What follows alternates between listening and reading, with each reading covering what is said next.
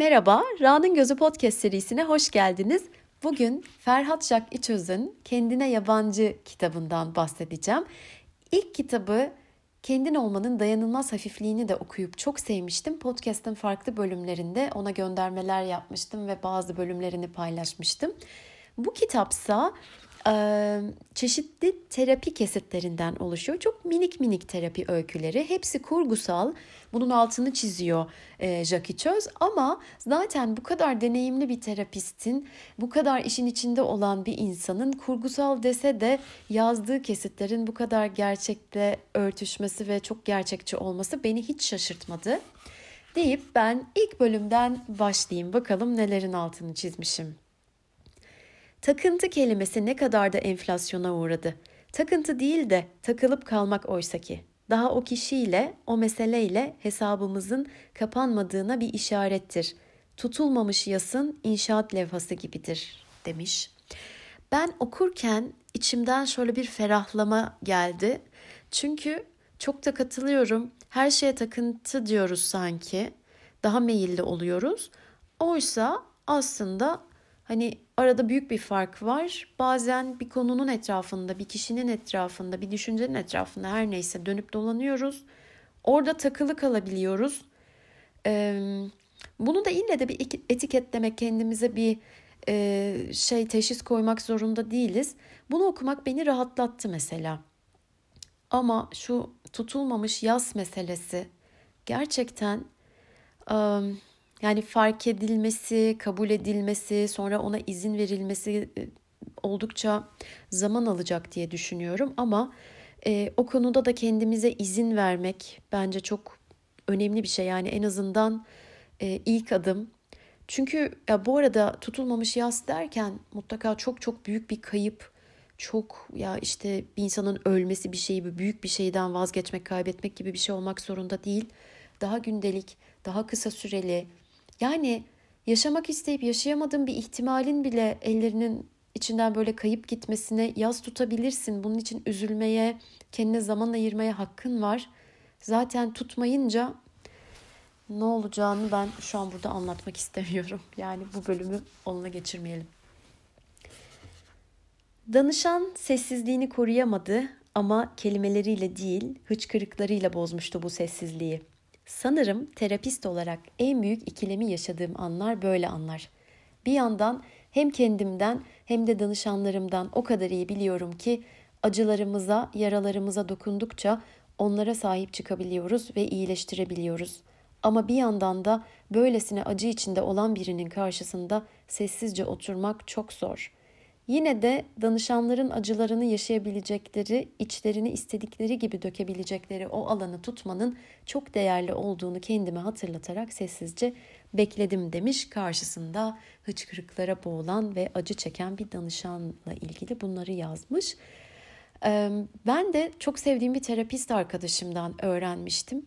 Bana demişti ki hani normalde dedi işte terapi odalarında danışanın yanına mutlaka işte peçetesi şusu busu falan filan konulur. Ağlayınca da önüne uzatılır ama ben bunu doğru bulmuyorum. En azından bir süre bekleyip ondan sonra ona peçete uzatmayı tercih ediyorum. Çünkü alttan alta peçeteyi uzatmak e, ya hadi sil elini yüzünü bir toparlan bir sus artık gibi bir mesaj veriyor olabilir bazılarına. O yüzden de buna dikkat ediyorum demişti. O gün bugündür ben de buna dikkat ediyorum sanırım. Yani bu peçete esirgediğim anlamına gelmesin. Kendimden de başkasından da tabii ki esirgemiyorum. Ama o akan şeyi bir durdurmak, silmek falan değil. Yani ne olacaksa olsun bir her taraf bir önce bir batsın, bir ıslansın. Ondan sonra icabına bakılır gibi bir alan bırakıyor. O yüzden bana da çok iyi geliyor. Ee, bu şekilde yaklaşınca karşımdakiler de sanki daha rahat ediyor gibime geliyor. Oradaki hani çok uzun olmaması şartıyla bir beklemek önemli ama evet zor. Bir insanın karşısında biri acı çekerken e, durmak, beklemek, susmak, onu teselli etmemeye çalışmak. Bazen gerçi edecek bir şey de bulamıyorsun ama ama burada söylediği gibi yani şey ille iyi yanından bakacağım gibi bir şey gibi görünmesin ama yani o ağlama olmazsa, o acı olmazsa Zaten sonraki süreç gelmeyecek. O yara açılacak, kanayacak, üzüleceksin, ağlayacaksın, kabul etmekte zorlanacaksın. Bir önceki güne, geçen aya neyse o problemin olmadığı zamana ışınlanmak isteyeceksin. Uyuyup uyansam da oraya geri dönsem diyeceksin. Ama buradasın. Neyse birazcık daha konuşmayayım bu konuda da. E, ben de kendimi sansürleye sansürleye gidiyorum. Bu bölümün de özelliği bu oldu. Kanepeyi yan tarafa çekseydik keşke. Şimdi bir e, danışanı ile ilgili buradaki terapist demiş ki böyle danışan ona yaptığı şeyleri böyle çok aşırı yaptığı bazı davranışları falan anlatıyor. E, bu da içinden şey diye bir soru soruyor. Ben de o sorunun altını çizmişim ne halde olmamak için böylesine bir yapma hali? Çok güçlü bir soru değil mi bu ya? Yani ne halde olmamak için böylesine bir yapma hali? Sen ne yapmamak için? Ya da nerede durmamak için, ne olmamak için bu kadar çok şunu yapıyorsun? Burada belki bir içe dönüş soruları güzel olabilir. Ben nerede aşırılığa kaçıyorum? Neyi aşırı yapıyorum? Neyi çok tekrar ediyorum?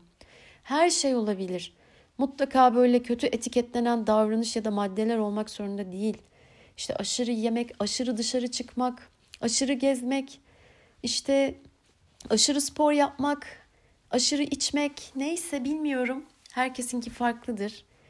E, herkesin aşırılık noktası da farklıdır. Ben 3 kere yapınca bana aşırı gelebilir. Sen 85 kere yapınca bile ya o kadar da abartmadım diyebilirsin. Ben mesela bunları kendime yakın zamanda sordum. Yakın zaman dediğim bugün. Ve şunu fark ettim. Ha belki burada bir aşırı doz yoktur ama e, içim sıkıldığı zaman yakın bir zamanda e, sıkıntıyı dağıtmaya yöneldiğimi fark ettim ki o da bazen lazım. Evet o sıkıntıyı dağıtıp önünde ne varsa onunla ilgilenmeye devam etmen. Çalışıyorsan işine bakman, bir ortamdaysan oradaki oluş halini sürdürmen gerekiyor. Ama kendimi yakaladığım noktada hiçbir işim, hiçbir sorumluluğum olmayan bir zamandı ve tam onu dağıtıp başka bir konuya, başka bir şeye geçecekken kendimi yakalayıp durdurdum. Sıkıntının içinde kaldım. Ee, şimdi içimdeki bir diğer çocuk şey diyor, iyi halt ettin yani çok muhteşem bir saat geçirdik. Ama öyle, sen şimdi anlamıyorsun ama sonra ben sana anlatacağım ne kadar işe yaradığını. Kolay mı? Değil yani. Hani sıkıntıyı dağıtacak birçok şey yapacakken yani en basitinden telefonumu elime alıp bir sevdiğim birini arasam, beni seven birini arasam zaten hani o falan diye şey olur ya da dışarı kendime atsam, bahçeye atsam, yürüyüşe atsam ya da açıp komik bir şey izlesem o sıkıntı dağılırdı. Dağılır mıydı? Dağılmazdı aslında. Ben öyle zannederdim. Ben zannederdim ki o tamam iyi ki bunu yaptım. Oh içim rahatladı. Bugün için söylüyorum genel olarak dağıtabilir. Ama bugün kendimi yakaladığım şeyde hayır öyle bir şey yok. Otur içine bak içinde ne var? Ne görüyorsun? Nereden tetiklendi? Ne oldu? Yani o yüzden o herkese göre değişmekle birlikte e, yöneldiğimiz, hemen atladığımız, aşırıya kaçtığımız şeylere bakmak yardımcı olabilir. Şimdi bir danışanın iç dökmesinden birazcık okuyacağım. Büyüdüm, buradayım, hayatımda her şey yolunda. Gerçekten çok şükür. Ama hepsi bu kadar mı? Bir daha aşık olmadan, bir daha öyle hissetmeden, bir daha birine böylesine ihtiyaç duymadan yaşamaya devam mı edeceğim? Her şey çok yolunda ama ben ne yapıyorum? Salak Amerikan filmleri gibi her şey aşk için falan demek istemiyorum. Ama çok derin bir boşluk hissediyorum içimde. Her şey çok yolunda ama ben o yolda mı olmak istiyorum? O yolda olmak istiyorsam bile tek başıma mı olmak istiyorum? Kendimi çok yalnız hissediyorum. Hepsi bu mu hayatta? Kendimi çok kaybolmuş hissediyorum. Kayboldum. Derin bir sessizliğe gömüldü. Ne diyeceğimi bilemediğim bir an yaşıyordum. Bildiğim tek şey kaybolmuşluğunu çok güzel aktardığıydı içimde beklemediğim bir yere dokunmuştu. Dışarıdaki emellerimiz ne kadar da içerideki boşlukları doldurmak içindi. Dışarıdaki dünya bizi oyalamak anlamında o kadar çok imkan sunuyor ki evler, tatiller, kariyerler, işler, kıyafetler, Aslında insan içine bakmadan, daha hayata, varoluşuna dair sorular sormadan bir ömrü böylece tüketebilir. Bu düşüncelerimi eğitimlerde veya arkadaşlarımla muhabbet ederken dile getirdiğimde zaman zaman materyalizm karşıtı olmakla hatta insanların bazı arzularını küçük görmekle itham edildiğim olur. Kesinlikle amacım bu değil. Ama şuna dair çok derin bir inancım var. İçeride en derin karşılanmamış ihtiyaçlarımızla, en yoğun utançlarımızla, dipsiz boşluklarımızla yüzleşip onlara sahip çıkarak yaşadığımızda dünyanın imkanları bizi kendimize yakınlaştırır. Ama içeride olana veya olmayana sahip çıkmadan dışarıda elde edeceklerimizle o devasa boşlukların kapanacağını, hala kanamaya devam eden yaralarımızın iyileşeceğini sandığımız o kadar çok zaman oluyor ki. Bunu geçeceğim, üstüne konuşmayacağım. Çünkü yani kaç bölüm çok konuştum. Hatta yani bu bölümü okumasam mı diye de düşündüm şimdi ama okumak zorundaydım. Artık bilmiyorum belki benden çıkmış bazı duyanlara gidiyordur. Belki onların şu anda ihtiyacı vardır. Bilemedim çok mistik bir yerden mi yaklaşıyorum?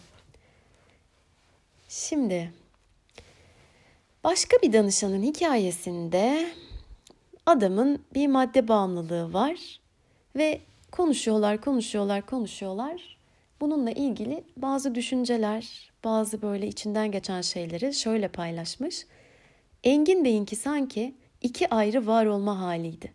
Biri derli toplu, işlerinin başında sorumluluklarını yerine getiren, hesap verebilen, mantıklı kararlar alıp bunların peşinden giden, kafası fazla net bir hal.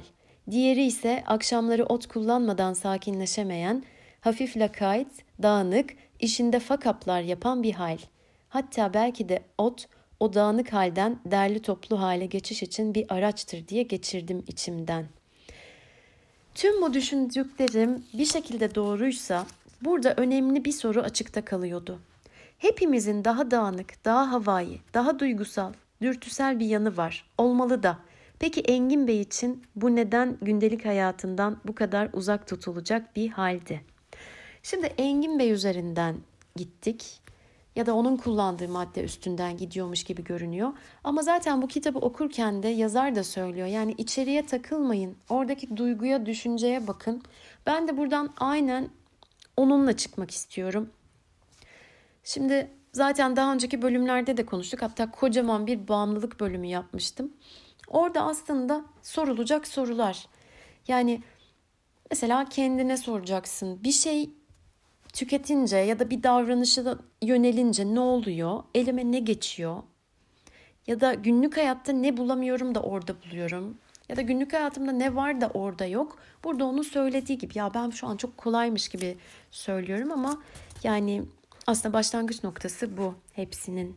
Tabii ki herkesin kendine göre alacağı ya kimisi işte tedavi olacaktır, terapiye gidecektir. Kiminin o kadar büyük bir konusu yoktur. Kendi kendine de bir şeyler yapabilir ama oradan çıkıyor. Mesela burada Engin Bey'deki bu iki çok keskin e, hayat da aynen o şekilde. Gündüzleri hiçbir sıkıntısı yok. E, işte işini çok iyi yapıyor, çok başarılı. Ama akşamları başka bir tarafa geçme ihtiyacı duyuyor. Ee, tabii küçük bir kesit verdiği için terapisinin devamını okuyamıyoruz. Ama benim tahminlerim var.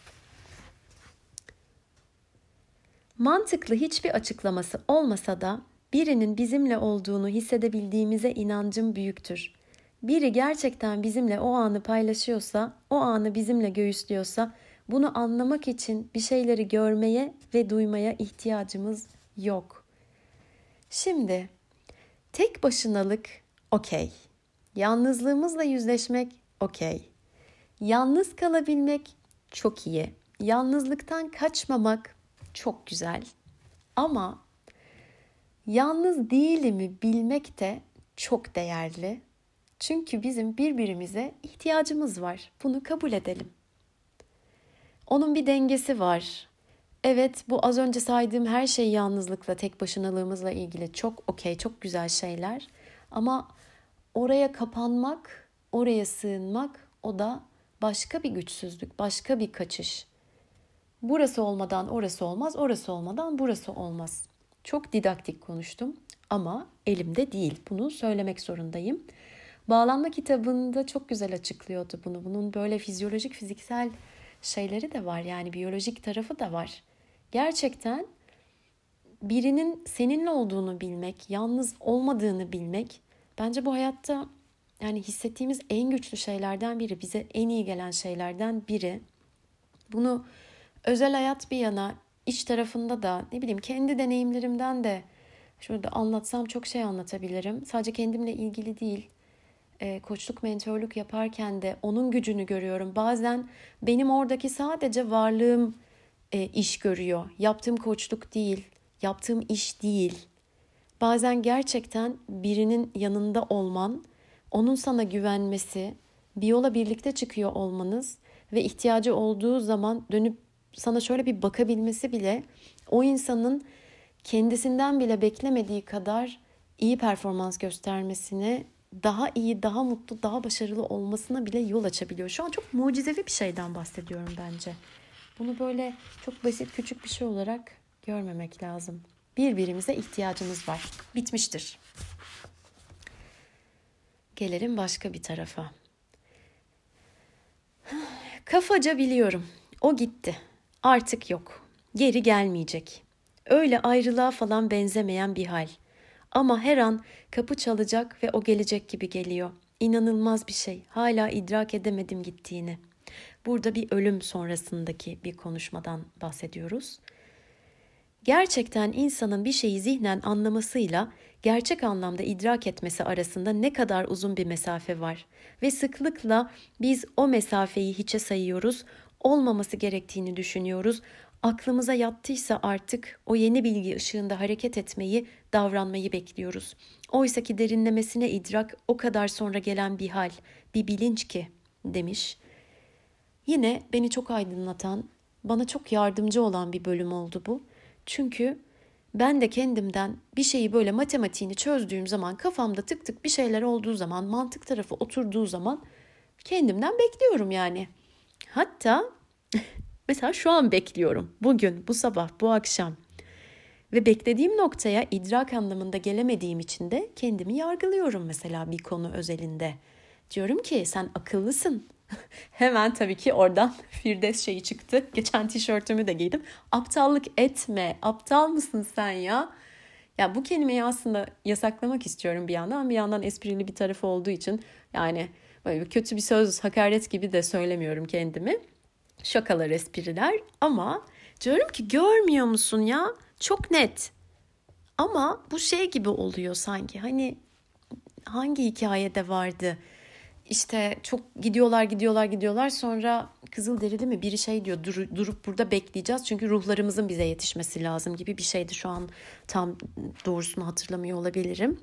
Aslında bu da böyle evet zihnimde o harita var zihnimde bir gerçek var çok mantıklı okey ama ben bunu henüz idrak etmedim duygu bazında etmedim belki belki ruhum etmedi belki biraz daha zamana ihtiyacım var ve sabretmeye ihtiyacım var o izni de kendime verirsem bu dünya çok daha güzel bir yol bir yer olabilir. Rasocuğum bak kendin için yapmıyorsan bile dünya için yap. Yok yok sen yine kendin için yap da. şey gibi oluyor.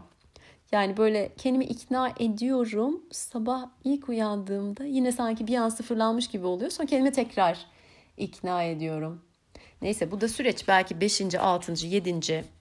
756. gün böyle hissetmeyeceğim. of Şimdi bir danışan bir rüyasını anlatıyor. Sonra da diyor ki bu kadar işte rüya. Yeniden sessizleşti. Aslında devamı var gibi ama yan yana koyunca anlamlı gelen kısmı bu kadar dedi. Anlamsız gibi gelse de devamında neler vardı? Danışanların terapistlerine bütün, tutarlı ve anlamlı bir şeyler sunma ve anlatma merakı hep dikkatimi çekmiştir. Oysa ki terapi bütün dağınıklıklarıyla kendilerini ifşa edecekleri dağıttıkça toplanacakları bir yerdir. Bunun bilinciyle gelen danışan sayısı gerçekten az ama eninde sonunda hepsi seansta dağıtmayı keşfeder. dağıtmanın tehlikesi olmadığını, sadece kaygı uyandırıcı olduğunu fark ederek kendilerini bir parça daha rahat bırakırlar seansın akışına ve aslında kendi deneyimlerinin ve zihinlerinin akışına. Dağıtmak iyidir diyerek burada son noktayı koyayım. Dağıtmak da dağılmak da okey böyle şey gibi hani çekmeceyi ters yüz edip böyle boşaltırsın. Sonra temizleyip tek tek tekrar yerleştirirsin. İstemediklerini çıkarır atarsın. Bazılarını ihtiyacı olan birine verirsin falan filan ama sonra tertemiz mis gibi düzenli bir çekmecen olur. Çekmece olarak sen mesela. evet güzel. Bir arkadaşım geldi aklıma. Yakın zamanda bir konuyla ilgili yardım istedi. Beni birine yönlendirebilir misin dedi. Bir koçluk ihtiyacı olabilir diye düşünmüş. Ben de biraz dinledikten sonra biraz da hikayesini bildiğim için dedim ki e, okey seni çok iyi, çok güvendiğim koçlara yönlendirebilirim. Ama önce bir seans çok güvendiğim bir terapistten bir seans almanı çok isterim dedim. Düşüneceğim dedi. Sonra düşündü ve bana dedi ki ben travmalarımı ve yani yaşadığım şeyleri biliyorum. Her şeyin farkındayım. Şu an terapistle başlarsam bunun altından kalkamam. Çok dağılır her şey. O yüzden ben koçluk mu alsam diye tekrar sordu. Şu an onun ım, müzakeresi devam ediyor diyeceğim. Ben yine biraz düşünmesini istedim. Çünkü altta kaynayan ve altından kalkamayacağını düşündüğü bir başlarsam öyle bir dağılırım ki bir daha toplayamam dediği şeyler temizlenmeden yani ne koçluk ne mentörlük ne başka bir şey hiçbir işe yaramaz diye düşünüyorum. Benim düşüncem böyle. O yüzden umarım çok sevdiğim o arkadaşım çok yakın zamanda çok sağlam dağıtır. Senin için bunu diliyorum. Çok içten diledim şu an. Danışanlar yeter ki kendilerini merak etsinler. Yeter ki kendilerine bakmak istesinler. Ama bir tür danışan vardı ki neden burada olduklarını anlamadığım gibi onlarla iletişim kurmakta da zorlanıyordum. Genel bir isim verecek olsam bu danışanlara kendini merak etmeyen veya kendine bakmaya gönülsüz danışanlar derdim. Ama bu noktada kısır döngünün başına dönüyordum.